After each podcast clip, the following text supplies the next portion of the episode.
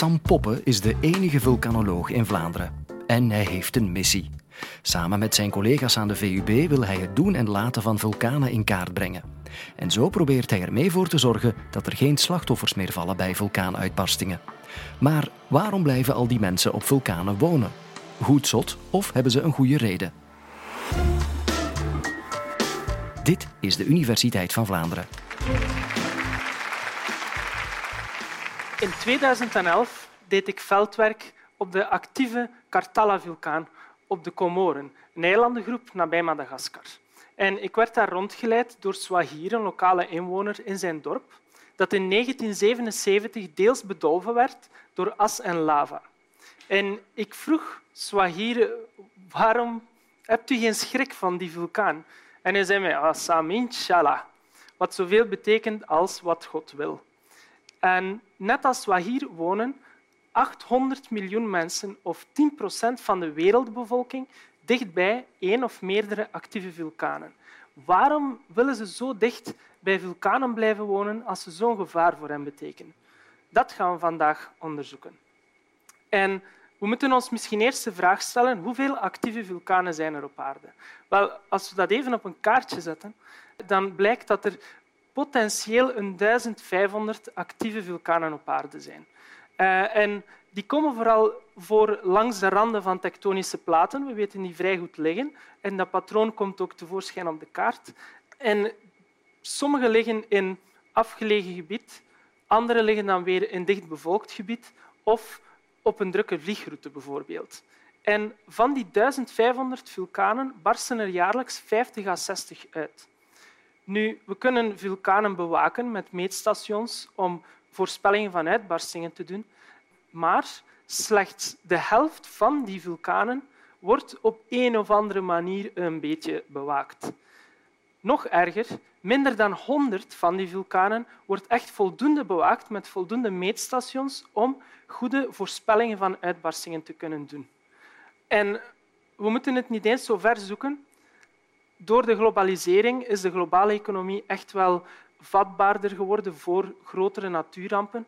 En um, u herinnert zich vast en zeker allemaal de uitbarsting in 2010 van de Eyjafjallajökull-vulkaan op IJsland, die in enkele dagen tijd het volledige luchtverkeer in Europa kon lamleggen. Vulkanen zijn dus ook echt dicht bij ons. We hebben actieve vulkanen in IJsland, Italië en slapende in Frankrijk en Duitsland, zelfs waarvan we vermoeden dat ze ooit nog zullen uitbarsten. Nu, aan de VUB zijn we vooral geïnteresseerd in de situatie in ontwikkelingslanden.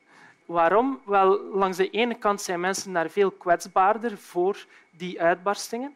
Langs de andere kant zijn de vulkanen daar echt wel slecht gekend. En om u te tonen hoe mensen leven met vulkanen, neem ik u even mee naar een tweede tropische bestemming waar we werken, Goma. Nu, Goma is een stad in het oosten van de Democratische Republiek van Congo en ligt echt in een idyllisch landschap. Het Kivu-meer ten zuiden, het Nationaal Park met zijn tropische woud ten noorden. Maar voor mij is dat een van de gevaarlijkste steden ter wereld om te leven. Een dertigtal jaar geleden nog een koloniaal handelspost van maximum 10.000 inwoners, is Goma echt ontploft tot een miljoenenstad. Tienduizenden Rwandese vluchtelingen, gevlucht voor de genocide van 1994, tienduizenden Congolezen verjaagd van het platteland door rebellenmilities. Ze zijn daar allemaal samengeperst in die smeltkroes van etnische spanning tussen het Kivu-meer, het Nationaal Park en de Rwandese grens. En alsof dat nog niet genoeg is, torent ten noorden van een stad, een 15 kilometer ten noorden van de stad het perfecte kegelsilhouet uit van de Nyiragongo-vulkaan. Uit Nyiragongo ontsnapt constant een witte gaspluim. En die is afkomstig van het grootste lavameer ter wereld. Nu, die lava borrelt meestal gezellig binnen de krater en verspreidt s'nachts een rode gloed boven de stad van Goma. Maar in 2002 opende een barst zich op de flank van de vulkaan Lava kwam daaruit gestroomd en spoelde richting stad. Nu, de lava van Niragongo is uniek omdat hij zo vloeibaar is. En aan een snelheid van 40 km per uur, dat is sneller dan we kunnen lopen, vloeide die lavastroom naar de stad en een honderdtal ongelukkigen kon gewoon niet op tijd ontkomen aan die kolkende rivier en kwam om. Vele mensen verloren ook echt hebben en houden aan die uitbarsting, maar bleven wel in Goma wonen. En als we dan vragen aan die mensen waarom wil u hier blijven wonen na dit, dan zeggen de mensen wel, de vulkaan heeft twee gezichten. Hij geeft en hij neemt. En we zien dat idee, die houding ten opzichte van vulkanen een beetje overal ter wereld. Langs de ene kant moeten we genieten van alle voordelen die een vulkaan kan geven. En als er een uitbarsting gebeurt, dan moeten we geduldig zijn en afwachten. Een uitbarsting duurt niet eeuwig en zal dus op een bepaald moment over zijn. Nu denkt u misschien, zijn er voordelen aan vulkanen? Ja, er zijn er vier. Eerst en vooral, wanneer vulkanen explosief uitbarsten, produceren ze aswolken. Die as die bestaat uit microscopische deeltjes glas en uit mineralen. Kort na de uitbarsting, in de jaren na de uitbarsting, reageert regenwater met die glasdeeltjes en vormt som tot klei. En die mineralen worden omgezet in elementen die goed opneembaar zijn voor planten. En op die manier krijgen we dus een supervruchtbare bodem. En vooral in ontwikkelingslanden vormt landbouw echt vaak de hoofdinkomst en heeft het dus zin om dicht bij die vulkanen te gaan wonen. Daar is de opbrengst groter. En creëert die vulkaan lavastromen, zoals Niaragongo doet, dan duurt het tientallen jaren voordat er iets van vegetatie terugkomt, laat staan een tropisch woud. Maar er is een tweede voordeel aan verbonden. Die lava is zeer hard. En eens uitgehouwen, niet makkelijk, maar men doet het, is dat een zeer duurzaam bouwmateriaal. En zo worden vulkanische materialen dus gebruikt als bouwmateriaal. En we vinden assen en puimstenen zelfs terug in cosmetische producten. En we moeten het niet verzoeken. De kasseien waarmee vele straten in Brussel geplaveid zijn, zijn afkomstig van 450 miljoen jaar geleden uitgedoofde vulkanen in Wallonië. Nog eens, vulkanen zijn dus echt dichtbij. Twee voordelen. Een derde is het feit dat vulkanen warmte produceren. En die geothermie kunnen we gebruiken om elektriciteitscentrales aan te drijven of water op te warmen of warmtenetten te voorzien. En tot slot is er nog een laatste, toerisme. Ik zal de eerste zijn om u te zeggen dat vulkanische landschappen bij de prachtigste op aarde zijn. En het is dus niet moeilijk om in te denken dat die echt kunnen geëxploiteerd worden voor toeristische doeleinden. Landbouwgrond, bouwmaterialen, geothermie en toerisme. Die vier voordelen hebben we aan vulkanen. En vulkanen dringen zo echt door tot in het dagelijks leven van die mensen. Nu, als we aan vulkanen denken, denken we vooral aan gevaren. Er zijn veel gevaren verbonden aan vulkanen. En een gevaar definiëren we in de aardwetenschappen als een natuurlijk of door de mens veroorzaakt proces dat schade kan berokkenen en waarover we geen controle hebben. We kunnen de impact misschien controleren of verminderen, maar over het proces zelf hebben we geen controle. Dat is zeker het geval bij vulkanen. Laat ons eens overlopen wat de gevaren zijn van vulkanen. Nu, eerst en vooral afhankelijk van de chemische samenstelling van magma, kan dat meer of minder vloeibaar zijn en krijgen we andere types uitbarstingen. Is lava zeer vloeibaar, komt die zeer vloeibaar uit de vulkaan gelopen, krijgen we lavastromen. En die lavastromen, meer dan 1000 graden heet, het is zeer simpel. Overal waar het passeert, verbrandt en begraaft het alles onder steenharde lava. En is die lava stijver, maar bevat het niet veel gassen, dan wordt die uit de vulkaan geknepen, een beetje zoals u tandpasta uit een tube knijpt. En krijgen we lavakoepels. Die lavakoepels kunnen zeer steil worden en zo voor landverschuivingen zorgen. Zijn er toch veel gassen opgelost in die, in die magma en uh, is die magma stijf, dan krijgen we het archetype uitbarsting die we allemaal kennen, een explosieve uitbarsting. Daarbij ontstaan hoge aswolken, gevuld met hete assen, hete gassen, Um, en die assen zullen dicht bij de vulkaan dikke aspakketten afzetten en de fijnste deeltjes worden tot honderden kilometers ver meegevoerd, zoals in 2010 bij de uitbarsting van op IJsland. Nu, die aswolken kunnen soms te zwaar worden omdat er te veel gassen en assen in de lucht gestuurd worden en instorten onder invloed van de zwaartekracht. Dan krijgen we een zeer groot gevaar pyroclastische stromen. Dat zijn hete wolken van assen en gassen die aan meer dan 100 km per uur van de vulkaanflank gerold komen. Zit u daarin, dan is het gedaan. Dat is gewoon te heet. Het is onmogelijk om dat te overleven. En dat zijn een beetje de onmiddellijke gevaren van uitbarstingen, maar er zijn ook secundaire gevaren na een uitbarsting. Die dikke aspakketten op de vulkaanflank die kunnen door regenwater gemobiliseerd worden en zo modderstromen vormen. En die modderstromen kunnen alles bedelven onder een dik pak modder en rotsblokken.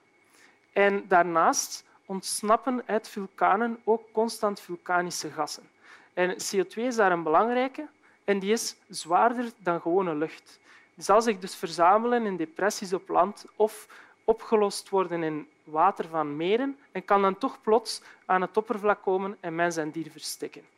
En tot slot, bij de meest catastrofale uitbarstingen kan het magma de vulkaan zo vervormen dat de volledige vulkaan instort, zoals in 1980 gebeurde met de Mount St. Helens in de Verenigde Staten. De vulkaan zakte gewoonweg totaal in elkaar. En gebeurt dit met een vulkaan die in zee ligt, dan kunnen er zelfs tsunamis gegenereerd worden. Oef, een serieuze opsomming. En we zien zo dat vulkanen echt voor veel gevaren kunnen zorgen. En mensen wonen rond vulkanen en het feit is dat zolang zij zien dat de korte termijn voordelen opwegen tegen die lange termijn gevaren, die soms verborgen zijn, niet zo duidelijk zijn, kan het zin hebben om toch rond een vulkaan te gaan wonen. Daarnaast kan het economisch gezien gewoon onmogelijk zijn om een miljoenenstad even de lucht in te heffen en te verplaatsen als blijkt dat die in vulkanisch terrein ligt. Of kan een vulkaan maar elke paar honderd jaar uitbarsten, wat te lang is ten opzichte van een mensenleven. Mensen blijven dus rond vulkanen wonen vaak. En als vulkanologen is onze vraag dus eerder hoe kunnen we de risico's, de impact van die vulkaanuitbarstingen verminderen op de mensen. En daarvoor kunnen we vier acties ondernemen. De eerste actie is de gevaren bepalen. We kunnen geologische kaarten maken van die vulkanen en proberen inschatten door naar die vulkanische afzettingen te kijken uh, wat de terugkeertijd is van uitbarstingen en tot welk type uitbarsting een vulkaan in staat is. Um, en daarnaast kunnen we met computermodellen kaarten maken waarbij elke pixel de kans voorstelt dat die locatie getroffen zal worden door een lavastroom of een asregen. En die kaarten kunnen dan gebruikt worden door lokale overheden om bijvoorbeeld aan betere stadsplanning te doen of om goede evacuatieplannen op te stellen. De gevaren bepalen dus, dat is een belangrijke. De tweede en de meest zichtbare, wanneer u denkt aan een vulkanoloog, is de vulkaan bewaken.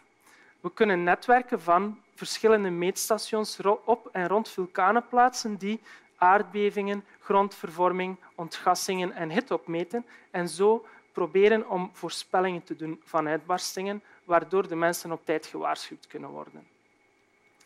De derde is informeren, informeren, informeren. We hebben al die kennis die we vergaren, maar we moeten die ook overbrengen op de mensen, omdat het belangrijk is dat zij weten wat ze moeten doen wanneer een uitbarsting gebeurt of hoe ze zich tegen al die gevaren kunnen beschermen. Eh, we kunnen dat doen via de media, via acties zoals deze of via workshops bijvoorbeeld. En daarvoor hebben we aan de vakgroep Geografie aan de VUB een spel ontwikkeld waarbij mensen spelenderwijs leren omgaan met die verschillende gevaren en zo een beter inzicht krijgen hoe ze zich beter kunnen beschermen of wat ze moeten doen als die uitbarsting uiteindelijk gebeurt. En de laatste is communiceren. Foutieve communicatie kost in 1985 in Colombia aan niet minder dan 23.000 mensen het leven. Een uitbarsting was voorspeld, maar toch kwamen zoveel mensen om. Het is dus superbelangrijk dat lokale overheden, vulkanologen of wetenschappers in het algemeen en de lokale inwoners met elkaar communiceren. En dat kan op eenvoudige manieren, bijvoorbeeld via alertheidsniveaus. Een beetje zoals de vlaggen aan onze kust, waarbij rood staat voor niet zwemmen alstublieft en groen staat voor ga maar, het is veilig kan men kleurencodes opstellen waarbij groen staat voor veilig en rood staat voor onmiddellijk evacueren, zoals gebruikt wordt in GOMA. En alert zijn is dus belangrijk. Laat ons eens kijken of u ook alert geweest bent en of u zich nog herinnert wat de vier acties zijn die we kunnen ondernemen. Ik heb vier vragen, ik wil vier antwoorden horen. Oké, bent u klaar? De eerste vraag. Wat doen we met vulkanen? Wat moeten we doen met vulkanen via netwerken van meetstations om uitbarstingen te kunnen voorspellen? Bewaken, inderdaad. De tweede. Wat moeten we doen rond vulkanen om de verschillende natuurlijke processen die daar plaatsvinden en die schade kunnen berokkenen in te schatten? Wat bepalen we? Gevaren. Oké. De derde. Wat moeten we doen om te zorgen dat mensen voorbereid zijn en weten wat ze moeten doen? Informeren. En de laatste wil ik toch echt luid horen, omdat het daar echt om gaat. Wat moeten lokale overheden, wetenschappers en de inwoners doen om rampen te voorkomen? Communiceren. Communiceren, de laatste was prachtig. Oké. U ziet het dus. Zolang de korte termijn voordelen opwegen tegen de lange termijn gevaren, blijven mensen rond vulkanen wonen en heeft het soms gewoon ook zin om dat te doen. En het gaat er dus om om de impact van die verschillende gevaren te verminderen. Op die manier zijn die 800 miljoen mensen beter gewapend tegen vulkaanuitbarstingen en zullen mensen zoals Swahir op de Comoren beter voorbereid zijn en weten wat te doen wanneer de volgende uitbarsting zich aandient.